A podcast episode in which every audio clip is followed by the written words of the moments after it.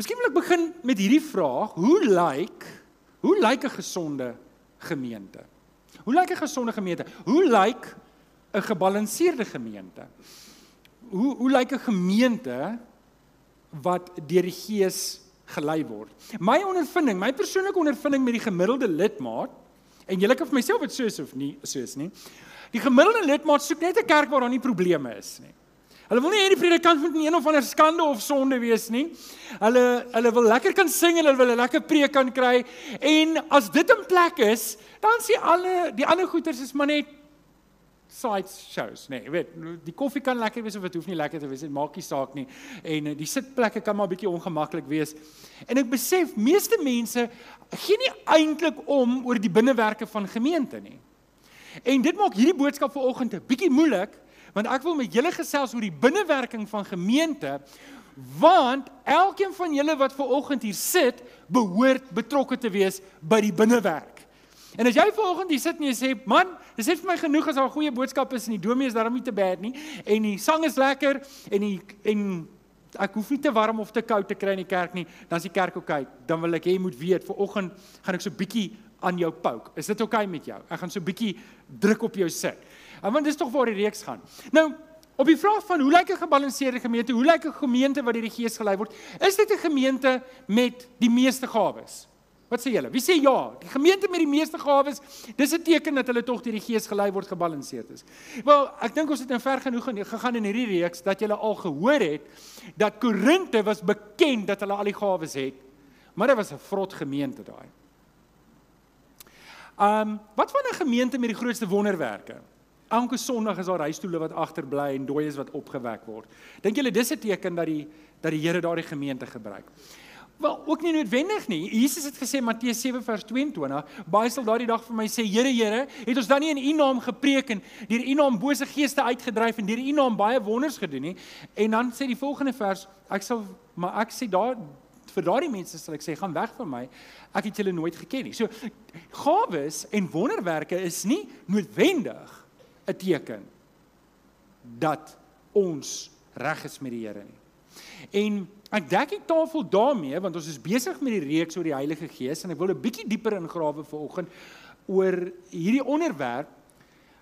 As ek en jy net eers kan begin hier om vir mekaar sê die Heilige Gees se eerste ding wat hy met jou wil doen is om jou by die Here Jesus uit te kry. En as jy ver oggend hier sit en jy het nie 'n verhouding met die Here nie en jy ken nie die Here Jesus nie, jy die jy die jy die flavour van Christendom, jy dalk selfs al die seels gekry toe jy op sonnaarskool was en en jy weet die dinge van die Here, maar jy het nie 'n verhouding met hom nie, dan sit die eerste ding wat die Heilige Gees in jou lewe wil doen, hy wil jou nader trek om 'n verhouding met die Here Jesus te hê. En as hy dit gedoen het, die volgende ding wat hy wil doen is hy wil jou inprop in die gemeente. Hy wil jou inprop. Hy gaan vir jou toerus met gawes. Hy gaan jou toerus met 'n sekere um gawe stel om in die gemeente gebruik te word. En as ek dit nie gebruik nie, gaan ek nie die volheid van die Gees in my lewe beleef nie. Onthou julle ons het nou die laaste 4 weke praat ons die hele tyd oor verskeidenheid. Hoeveel hoeveel gawes is daar? Hoeveel hoeveel bedienings is daar? Ja, julle het dit. Hoeveel kragtige werkinge is daar? 'n Verskeidenheid. En ons het ons het baie detail daarin gegaan. Nou, ons het nou die laaste 2 weke gepraat oor gawes en vanoggend gaan ons net praat oor bediening. En ek gaan vir julle wys hoe al die gawes onder een van hierdie 5 bedienings geresorteer word. En hoe dit belangrik is dat ons as gemeente by 5 al 5 areas moet betrokke wees. Is jy reg daarvoor?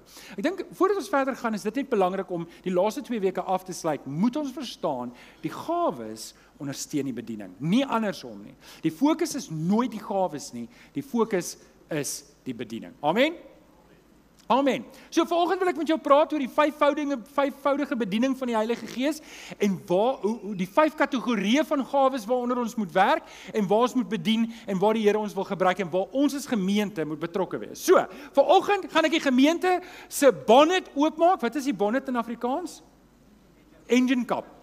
Ek gaan die engine kap 'n bietjie oopmaak van die gemeente en ons gaan 'n bietjie vroetel in en en grawe daar, is jy reg? So dis iets wat ons gewoonlik doen nie, maar vanoggend gaan ons dit doen en ek wil vir julle wys waar ons behoort betrokke te wees, waar ons betrokke is en die vraag moet die hele tyd by jou gevra word, waarvoor het die Here jou Wow, nou het ons vinnig teruggegaan in tyd.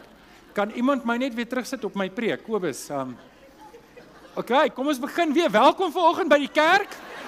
Baie bly julle is hierso. Uh kan iemand net daar help asseblief? Daar's hy. Daar's hy. Okay. Sjoe. Uh Kobus los my knoppies uit, hoor. Hou jou dop. Okay. Uh, met dit gesê, nou sê kom, kom staan op. Kom ons staan op. Ek is nou heeltemal nie mekaar. Kom ons staan op en dan hou jy jou Bybel lekker hoog in die lug en dan dan gaan ons lekker saam praat. Sê saam met my, dit is my Bybel. Ek is wat dit sê ek is. Ek het wat dit sê ek het. Ek kan doen wat dit sê ek kan doen. Met my mond bely ek met my hart glo ek dat Jesus die Here is. Amen. Amen. Jy kan jou Bybel oopmaak by Efesiërs 4. Efesiërs 4. En ons gaan 'n paar verse lees, vers 7 en dan aan die einde 'n paar verse na 13 toe. En nou terwyl jy blaai, wil ek net vir almal sê wat aanlyn ingeskakel, baie welkom. Altyd lekker om in jou huis te wees. Ons bly jy is hier saam met ons vanoggend en ek hoop jy geniet die diens saam met ons. Efesiërs 4 en ons gaan saam lees vanaf vers 7. Nou Paulus skryf vir die gemeente in Efese en ons weet nie of sy bedoeling was dat dit in die hele Klein-Asië, daai tyd was dit Klein-Asië, vandag is dit Turkye.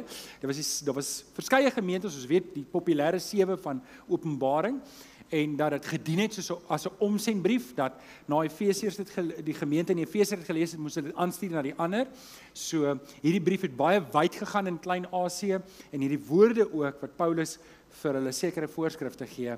Net so ter agtergrond vers 7 aan elkeen van ons is 'n genadegawe gegee volgens die mate waarin Christus die gawes uitgedeel het. Nou ons het dit baie duidelik gemaak die laaste 2 weke. As ek vir jou 'n geskenk koop, bepaal ek wat jy gaan kry. Natuurlik, ek kyk na jou en ek hou jou in gedagte, maar ek het die finale keuse. Net so wanneer die Here vir my gawes gee, bepaal hy wat ek gaan kry na mate wat die gemeente nodig het. Nou spring ons 'n paar verse in vers 11 en dit is die gawes wat hy gegee het. Nou die ou vertaling sê sommiges as So dit dit wys dat dit die fokus is op bediening, nie op die gawes nie. Hy het gegee apostels, profete, evangeliste, herders en leraars. Sy doel daarmee was om die gelowiges toe te rus vir hulle vir hulle en vir die van die van Christus. Kan julle sien, die fokus is daar op gemeente wees, nie op ek nie, nie op my nie, nie op wat ek daaruit kan kry nie, maar op die gemeente. En dan vers 13. So sal ons uiteindelik almal kom tot die werklike eenheid in die geloof en ons kennis van die seun van God, dan sal ons, wie's ons? Sy kerk soos 'n volgroeide mens wees, so volmaak en volwasse soos Christus. Nou, is almal vanoggend hier volmaak? Is almal vanoggend die geestelik volwasse? So is hierdie nog besig om te gebeur. Ja, so dis hoekom ons hier is en dis waarvoor die gawes is en dis hoekom ek 'n bietjie met julle wil gesels oor die vyfvoudige bediening van die Heilige Gees. Nou, nie almal beskou hierdie vers as die vyfvoudige. Hulle sê dit dis net nog 'n lys van die gawes. En daar's 'n rede hoekom ek wil hê jy moet sien ons hanteer hierdie as vyf kategorieë van gawes, vyf bedieningsareas waarin die Here ons roep om vir hom te werk. Ek hanteer dit so want al die ander gawes resulteer onder een van hierdie gawes of een van hierdie bedieningsareas. En elkeen van hierdie bedienings kan jy teruggaan was Jesus se bediening op aarde. Elkeen, soos ons deurgaan, gaan jy agterkom en let op terwyl ons deur dit gaan, gaan jy elkeen sien maar Jesus het dit gedoen. Jesus het dit gedoen. Jesus het dit gedoen. En ons sit Jesus se werk voort hier op aarde en dis hoekom ons hieroor praat. So die Heilige Gees roep die kerk, dis vir my en jou om op 5 maniere te bedien. Nou ek weet dis eintlik 'n reeks op sy eie, maar ons gaan dit nou binne een diens doen. Nou sien ek jy kyk op die horlosie have a little faith. Ons gaan deur dit kom. Ek gaan dit net opsom. So gaan ons die engine kap oopmaak as jy reg om saam met my 'n bietjie te vroetel daar binne en te kyk wat gaan daar aan. Hande 'n bietjie vuil te maak. Hier gaan ons. Skryf op jou raamwerk. Die eerste fokusarea, die eerste bedieningsarea waar die Here wil hê, die Heilige Gees wil hê ons moet op fokus, as jy reg daarvoor skryf dit in jou in jou boek is apostelskap. Apostelskap. En jy kan in hakies skryf dis sendingwerk Apostelskap in hierdie konteks is sendingwerk. Ek gaan dit nou meer verduidelik. In Johannes 20 vers 21 sê Jesus vir sy disippels: "Soos die Vader my gestuur het, ek gaan dit nou sê, maar die woord apostolos beteken om gestuur te word." So Jesus sê, "Ek is gestuur. Wat doen ek met julle? Ek stuur julle ook." Nê? Nee? En dis wat Jesus sê vir die 12 en en dan voordat ons verder gaan wil ek dalk net dit sê, die am van apostelskap het verbygegaan. Paulus praat baie duidelik en hy sê in Korinte, ek is die laaste een. Jesus het laaste aan my verskyn. Van al die apostels is ek die kleinste. So Paulus maak dit duidelik daar is nie nog apostels nie. Na na hom het die apostel die am van apostelskap is afgesluit, maar nie die bediening van apostelskap nie. Want onthou die apostels moet die evangelie ingebring het in die wêreld en uitgegaan het soos wat Jesus hulle gestuur het. Maar ek en jy word ook gestuur. Ek en jy word ook gestuur en en dis wat die woord dis dis wat die woord apostolos beteken om gestuur te word. Nou, nie almal van ons gaan Japan toe gaan of China toe gaan nie. Maar hier is 'n paar van julle wat wel gaan. En ehm um, in Johannes 20 vers 21 soos wat Jesus sy disippels stuur word van ons ook gestuur om oor landsgrense of oor kultuurgrense te gaan om te gaan bedien mense van 'n ander kultuur of van 'n ander land of van 'n ander omgewing. Verstaan julle wat ek probeer sê? Dit is belangrik. Handelinge 1 vers 8. Julle sal my getuies wees tot in die tot in die uithoeke van die wêreld. Dit is die kerk se taak. Dis die eerste bediening wat die Heilige Gees ons toeroep, is om betrokke te wees by sendingwerk. Nou, ehm um, Dominic Swanepoel is betrokke by In Context. Dis 'n dis 'n organisasie. Hy sal seker nog vir ons eendag kom vertel daarvan. Waar is jy Erik? Ek sien jou nie nou nie. Ah, daar is jy. Okay. So en en en hy's betrokke daarbey en dit is wonderlik om vir hom te kan bid en gereeld te hoor by hom vir die mense vir wie ons moet bid wat in sendingwerk is. Want ons mense wat daar buite bedien en hulle bedien baie keer in haglike omstandighede. Ek en jy moet bewus wees, hulle is kinders van die Here en hulle bedien ander mense. Ons het ook die Gideons. Ek wil net kyk, is daar enige Gideons volgens hier? Steek net gou op die hande, die Gideons. Is die Gideons volgens hier? Ons het heelwat Gideons. Dr. Rudy, jy's terug. Welkom terug. um, ons het heelwat Gideons onder ons ons en ons gemeente is ook betrokke by die Gideons finansiëel. En hoekom ek hou van om by die Gideons betrokke te wees is elke rand wat ons vir hulle gee, gaan net so in Bybelverspreiding in. Dit gaan nie in in middagetes in nie. Okay, so so dit gaan direk daar en dis vir my wonderlik van ook van die Gideons. Dan is ons ook betrokke by geopende deure. Ons het 'n hele gebedsgroep in ons gemeente wat um, ek het nie vir Philip vanoggend gesien nie. Is Philip hierso? Philip? Ah, daar's Philip. So as jy wil weet van geopende deure, gaan praat met Philip wat ons vir die sendinge bid en dis iets wat ek en jy behoort te doen. Jy hoef dalk nie Japan toe of China toe of na um is dit die 80 20 of die 30 40 venster. Ek weet daar's 'n venster daar in die Midde-Ooste wat wat wat jy met moslems gaan werk nie. Dalk roep die Here jou nie daarvoor nie, maar jy kan bid. En ek dink ons maak te min van gebed. Ek dink ons maak te min. Paulus bid sommer vir alles. Paulus bid vir die mense se geestelike volwassenheid. Hy bid dat die woord kan uitgaan en jy moet verstaan jou gebed het 'n kragtige uitwerking. Glo jy dit? Sê vir jou langs aan jy behoort te bid. Bid jy? Sê mm jy behoort meer te bid. Sê vir die ou langs jy behoort meer te bid. OK, jy behoort meer te bid. En dan is um is ons ook betrokke by Lesotho. Nou Fani het ek gesien, Fani sit en Claudette sit daar agter. Nou weet net vir julle wys hoe soos daarbey betrokke. sien julle daai koffiemasjien daar? Hoeveel kos 'n koffie? 10 rand. Nou ek weet nie of dit duur of goedkoop is nie, maar wat jy moet weet is jou 10 rand koffie, jou 10 rand koffie gaan reguit Lesotho toe. So daai 10 rand wat jy met daai masjien betaal of van daai blikkie gooi, gaan na 'n predikant toe wat daar uitwerk werk doen in iewers in Lesotho. Ek was nog nooit daar in Lesotho nie. Maar vra vir Fanie uit daaroor. So wat ek vir julle net probeer wys is Ons is betrokke in sendingwerk en dis die eerste roeping van die Heilige Gees, dis apostolskap wat sendingwerk is. Dis buitekant, dis oor kultuurgrense, dit is oor taalgrense, dis daar ander kant wat ons nie onmiddellik of direk mee kan kommunikeer nie. So, ek moet vir julle sê, dit wat ons op die tafel sit is maar vyf broodjies en twee visse. Dis maar min. Dis maar min, maar ons is betrokke. En ek wil hê julle moet weet as gemeente ons is betrokke. En dalk sit jy ver oggend hier en in jou hart, ver oggend het ek met Jan Harm gepraat. Toe sê hy, vra ek hom, gaan jy predikant word? Toe sê hy, nee, hy wil 'n sendeling word. En um, en en ek weet, hier sit 'n paar van julle wat regtig in jou hart voel jy wil sendingwerk doen en dalk moet jy met Dr. Rudy of met Fani of met Dominee Erik gaan praat en sê, hoorie, ek en meer hoor daarvan. OK, so dit was nommer 1. Het jy dit neergeskryf? Dis nommer 1. Bedieningsarea nommer 2 is profeties is profeties. En hier moet ek nou baie versigtig loop. En um, ek moet baie versigtig verduidelik want want ek dink in baie kerke word hierdie bediening heeltemal uh, misbruik. Misbruik. En en julle ek moet vir julle sê, ek is baie lief vir my vrou. Ek weet julle ek dink nie noodwendig daar's een pot vir een deksel nie. Maar die Here het vir my 'n mooi deksel gekry. Ek is so dankbaar vir daai vrou. Maar ek kan onthou, ek was in my eerste jaar, toe kom 'n meisie na my toe. En sy sê toe vir my, haar predikant het 'n profesie oor haar lewe uitgespreek, ek gaan met haar trou. Ek het angstig geraak en toe herinner ek myself, ek glo nie dis hoe profesie werk nie en ek het gehardloop. um So wees, wees maar versigtig vir mense wat sê hulle is hulle is profete. So profeties is woordbediening en prediking. Ek gaan nou 'n bietjie meer daaroor sê.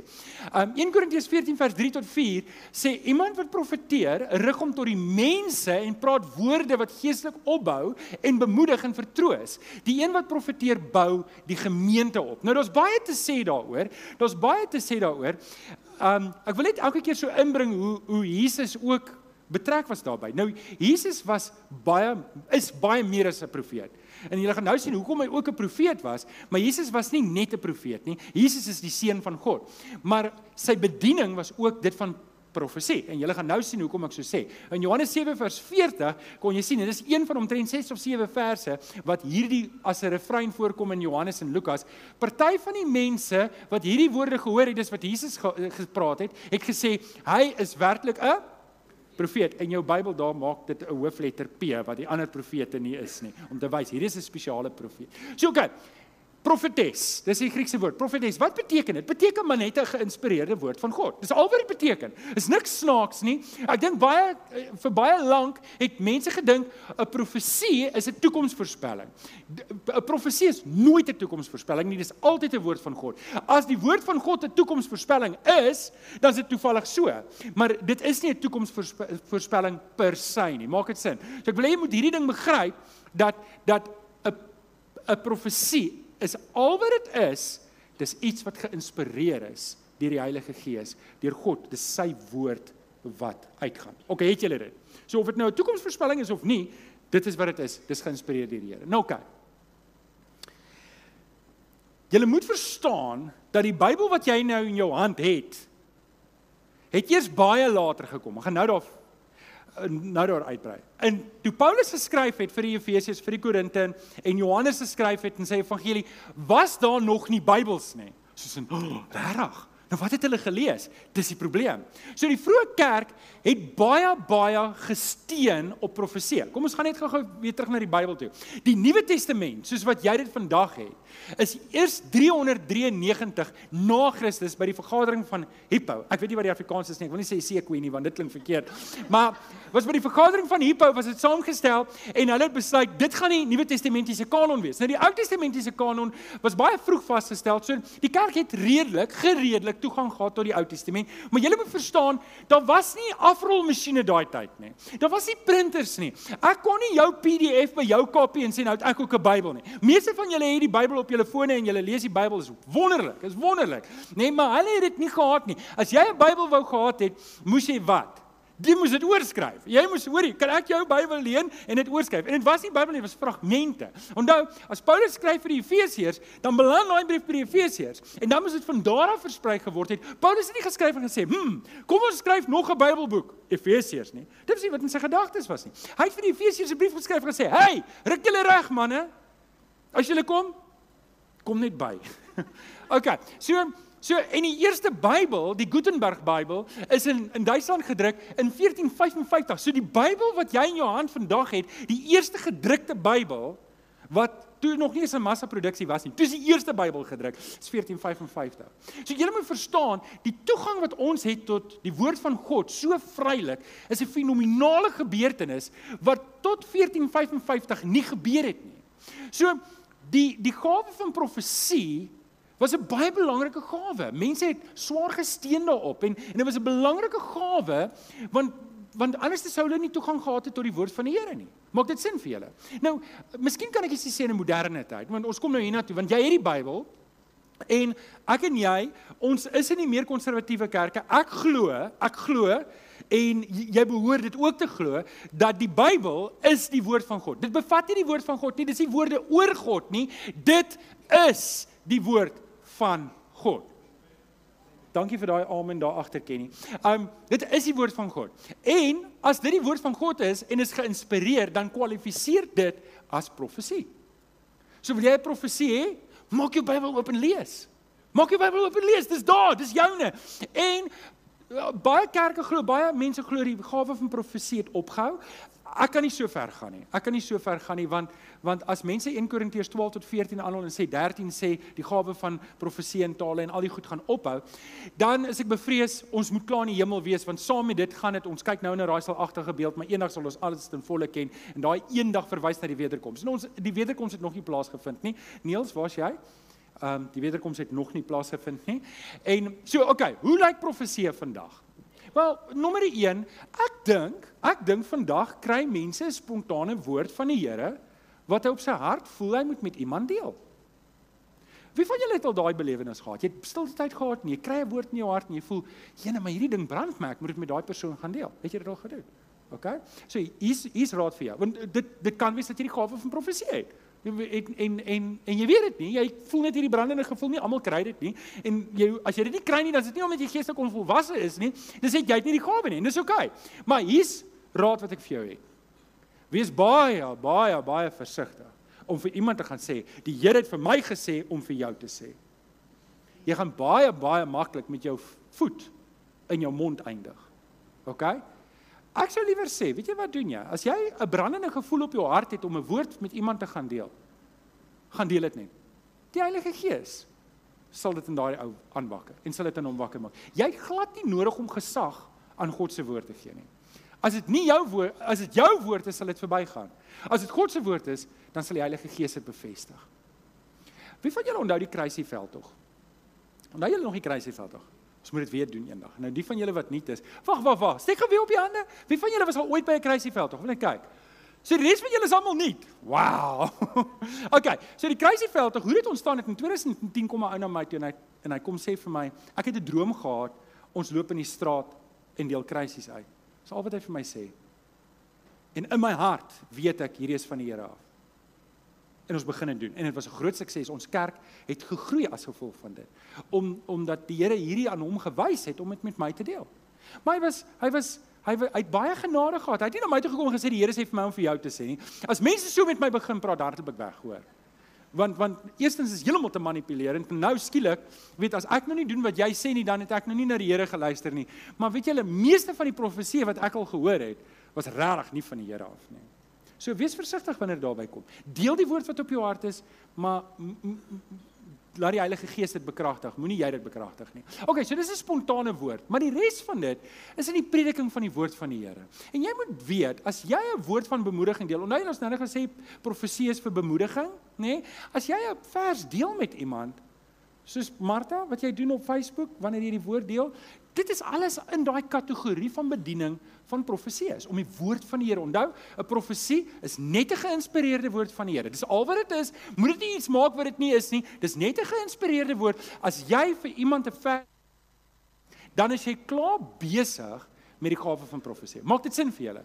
So dis eintlik baie eenvoudig. Ons hoef dit nie so gekompliseer te maak nie. Ok ek's klaar met daai. Dit was bediening nommer 2 ons gaan klaar kry. Julle gaan sien. Nommer 3 fokusarea nommer 3 is evangelisasie en dit is evangelieverkondiging. Nou oké, okay, Handelinge 8 vers 4 lees ons 'n spontane ding wat gebeur. Die gelowiges wat uitmekaar gejaag is, het so ver as wat hulle gegaan die evangelie verkondig. Nou hierdie vers het baie betekenis op meer as een rede en dit is voor dit lees ons Stefanus in hoofstuk 7. Onthou Stefanus was een van die sewe diakens. So half en half het die het die apostels gesê, hoorie hoorie hoorie, die ding dat ons na die ou mense moet kyk en die tafels moet bedien en julle weduwees moet dophou, ons kan nie, ons kan nie alles doen nie. Ons moet op die woord fokus. So kry julle vir julle sewe diakens. Diakens beteken maar net werkers. Onthou julle het gepraat oor diakonos wat net dienslewering is, is iemand wat bereid is om hulle hande en hulle voete vuil te maak vir gewone take, niks extravagant nie, niks wow nie, net gewone take. Kry vir julle sewe manne wat geken is dat hulle vol is van die Heilige Gees dat hulle hierdie werk kan doen.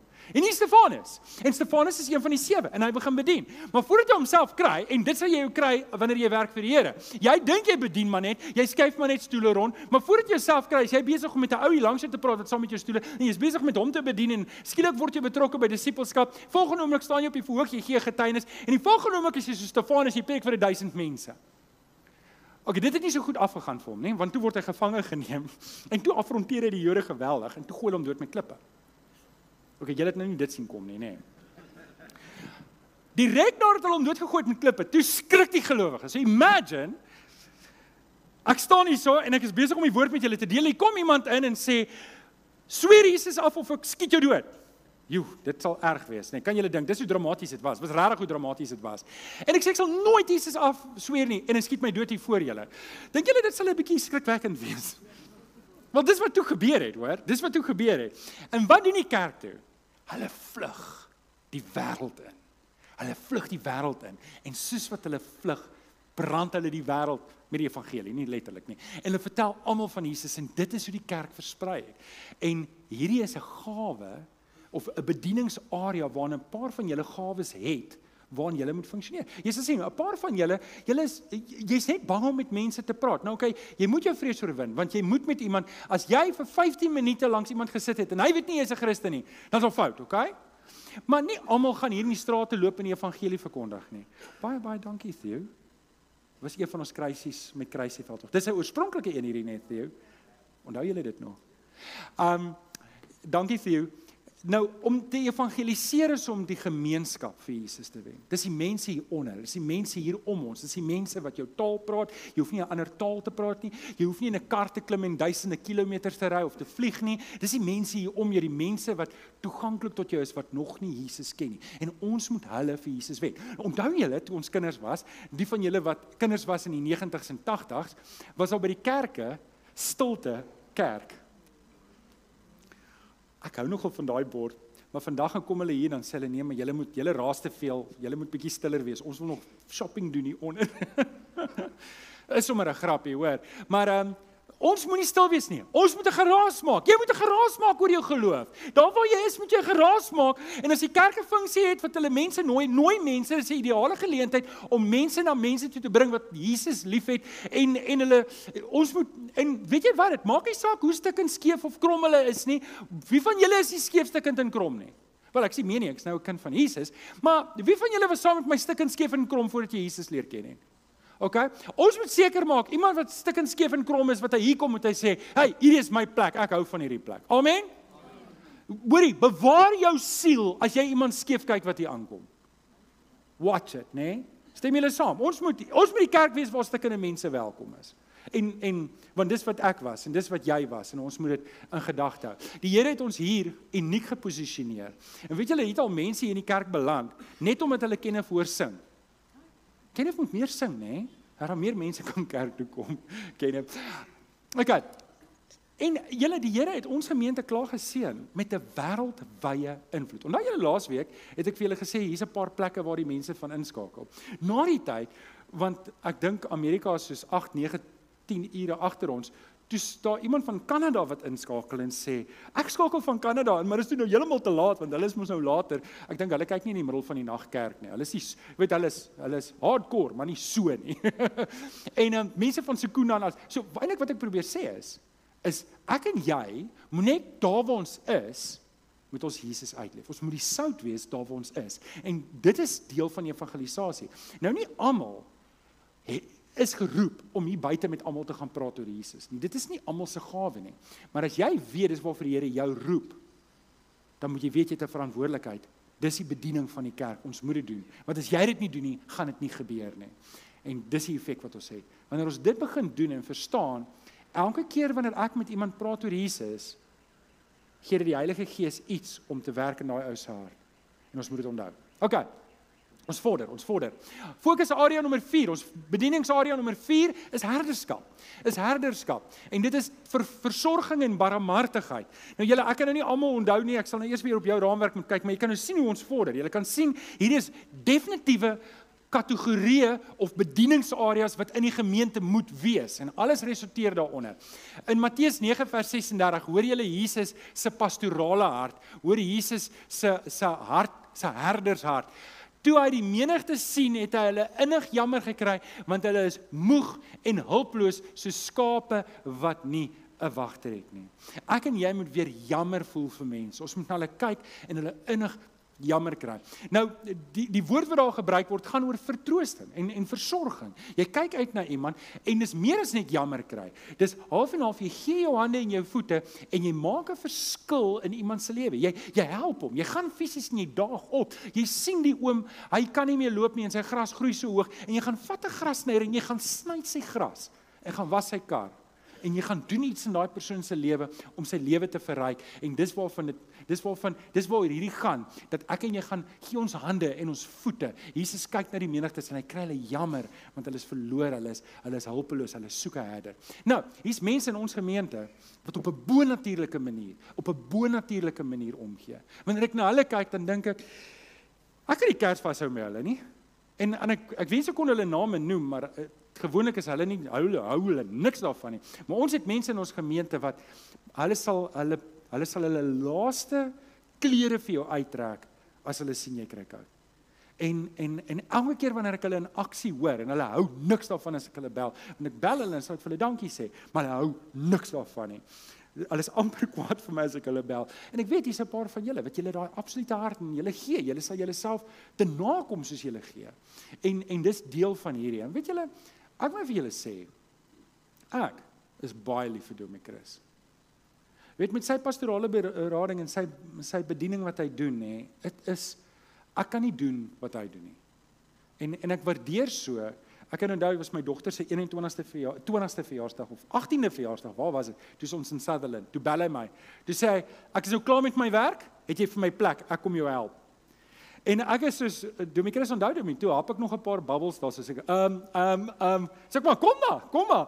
En dit het rarig, dit het dit het hy het so groot verskil gemaak. En en hy hou ook nie wat ek nou doen nie. Ek het hom gister gesê ek gaan dit doen. Wil hy ook nie ek moet dit doen nie, maar ek, ek wil hê hulle moet weet hier's hier's mense wat werk en hulle hart is oop vir mense wat seer en stikken en moeg is. En ons as gemeente moet bekend wees dat ons gee en dat ons help.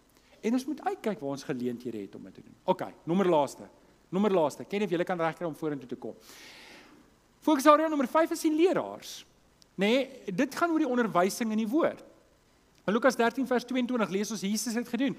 Terwyl Jesus op pad was na Jerusalem toe, het hy deur die stede en die dorpe gegaan en het oral die mense ge leer. Nou uh die Griekse woord didaskalios is is om 'n leermeester te wees beteken net om iemand te leer. Ek het inligting en ek moet jou leer om daai inligting te hê. En dit gaan oor om iemand net te leer. Nou dit is wat ons hier doen. Op 'n manier, op 'n manier is 'n Sondagoggend die profetiese kant, maar ook die die die die die daar is didaskalios kant, die lerende kant.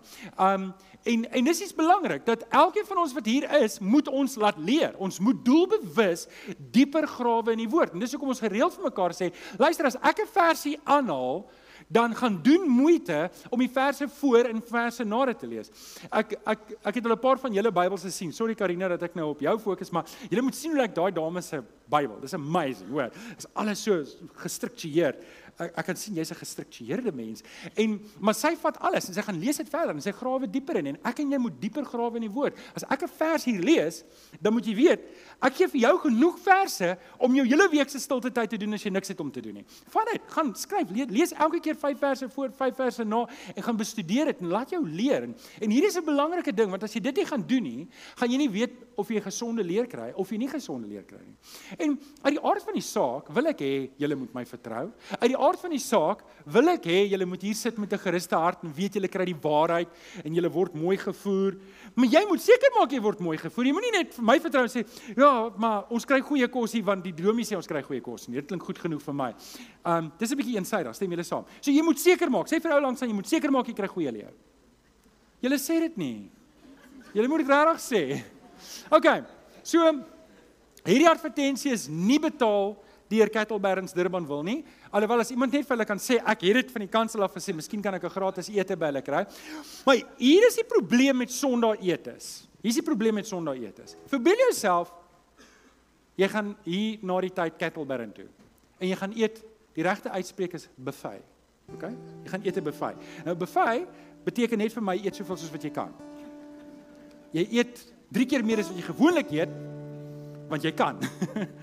en en maar kom ons sou nou sê, dis goeie gebalanseerde kos en jy sny die vet af van die skaap goulash en en jy eet nie die bacon nie en jy eet net die gesonde kos, maar jy eet jou trommeldik aan die kos daar. Maar die probleem is, jy gaan eet die res van die week niks nie. Volgende week gaan eet jy weer. En dan vir die res van die week eet jy weer niks en volgende week gaan eet jy weer by Kettleberries. Dink jy gaan gesond wees? Jy gaan nie gesond wees nie. En hier's die ding. As die enigste woord wat jy inkry op 'n Sondagoggend is, dan moet jy verstaan jy's nie gesond nie. Nie net as jy nie nie gesond, nie gesond nie, jy's eintlik in die moeilikheid. Want jy gaan nie die vermoë hê om jouself te verdedig wanneer die vyand jou aanval nie. Die Hebreërs skrywer skryf in Hebreërs 5 vers 12 tot 13. En ek hoor 'n woord van moedeloosheid by hom. Hy sê hoewel julle teen hierdie tyd self reeds onderrig behoort te gee. Hy sê vir die gemeente, onthou en en Hebreërs is geskryf omtrent tussen 40 en 60 na Christus. So die gemeente is toe al 'n klompie jare aan die gang en die Hebreërs skryf van Jode wat eers tot bekering gekom het. So ek wil aanvaar hierdie gemeente was was ten minste so oud soos ons en die nie ouer nie. OK? En hy sê vir die gemeente, hy sê luister, teen die tyd moes julle alself lering kon gee. Julle moes klaar die vermoë gehad het, julle moes klaar die diepte gehad het. Julle moes klaar die Bybel so goed kan hanteer dat julle kan opstaan en ander mense kan leer. Hy sê maar julle het weer nodig om iemand julle in die grondwaarhede van die woord van God moet onderrig. En mens moet julle met melk voer en nie met vaste kos nie. En hier is iets waarna ek en jy moet kyk. Hier is iets wat ek en jy moet kyk om te sê, Here, is dit ek dalk? Praat daai woord vandag met my dat ek is nou al 10, 15, 20 jaar 'n Christen, maar die hele tyd is dit loop val opstaan, loop val opstaan. Of kan ek aanmeld en sê Here, ek is gereed, gebruik my dat ek vir iemand iets anders beteken, dat ek nie self net Sondag tot Sondag net 'n bietjie woord inkry nie, maar dat ek myself plant hierdie week ook in die woord. Nou ons het 'n plan met jou. Ons het 'n plan met jou en ek het begin deur om te sê 21 tree. Maar as jy nie weet wat om te doen nie en jy weet nie wat 'n groeipad is vir jou nie, begin by 21 tree. Gaan na www.21tree.co.za toe en begin die disippelskap program. Begin om in jou in jou geestelike lewe te belê dat jy kan verstaan wat dit beteken om 'n disipel van Jesus te wees. Want ons wil jou bemagtig om ook disippels te maak. Want dis waarvoor die Here ons geroep het. Amen. Dan wil ek jou verder uitdaag. Dalk het jy nog nie 101 gedoen nie. Want dan is dit tyd om 101 te doen. Dalk het jy nog nie 202 201 gedoen nie. Wel, daar's dit tyd. Ek weet nie waar jy is nie, maar daar op die infotafel is ek 'n kaartjies vir die 21 tree kaartjies is. Gaan kry hom en gaan kyk waar is jy? En dis ons plan vir jou om te groei. En en as jy niks het om te doen nie, wel doen dit dat jy darm iets doen. OK, jy uitgedaag. Ek het julle gesê ons gaan ver oggend die engine kap oopmaak en binnekant kyk en 'n bietjie vroetel. Dis wat ons nou ver oggend gedoen het. En en ek hoop jy jy verstaan iets van Dis hoekom jy nie 'n lone ranger Christen kan wees nie. Dis hoekom jy nie net op jou eie kan wees nie. Ek en jy moet deur die Heilige Gees ingeprop wees in hierdie gemeente sodat ons 'n verskil kan maak in die wêreld, want hy roep ons om in hierdie vyf bedieningsareas te funksioneer. Nou oké, okay, daarmee sluit ek af. Ek wil ek wil hierdie met julle gedeel het net Dit is 'n dis nie 'n maklike boodskap nie want ek moet nou met julle praat oor tegniese goed wat jy dalk voel, mm, uh, mm, maar dit is belangrik as jy wil weet wat die Heilige Gees gaan doen, moet jy tog weet waar die Heilige Gees dit gaan doen. Stem mee saam? Nou oké. Okay. Ek wil vir jou bid. Maar ek wil jou huis toe stuur met hierdie uitdaging. Moenie net op 'n Sondagoggend vir die Here leef nie. Moenie net op 'n Sondagoggend bid of net op 'n Sondagoggend die Here loof en prys of net op 'n Sondagoggend in die woord kom nie. Maak dit 'n leefwyse. Amen. Kom ons bid saam. Vader, ek kom dankie vir oggend dat U Gees vandag nog in ons werk. En soos Paulus in Efesiërs sê, die Gees werk in ons lewens eers om ons by die Here Jesus uit te kry, om ons in 'n werklike lewendige verhouding met U as Vader te kry. En Here, U weet wie's vanoggend hier wat nog nie 'n verhouding het met U nie, wat U wat wat dalk die die die geur van Christendom het, maar nie U kind is nie. Kom werk deur die Heilige Gees vanoggend om daardie mense nader aan U te trek. Maar Here vir ons wat klaar u kinders is, kom wys vir ons daai volgende tree wat ons moet neem om aktief deur die Gees gebruik te word in u woord en u bediening. Dankie daarvoor. Ons bid dit in Jesus naam. En die kinders van die Here sê: Amen.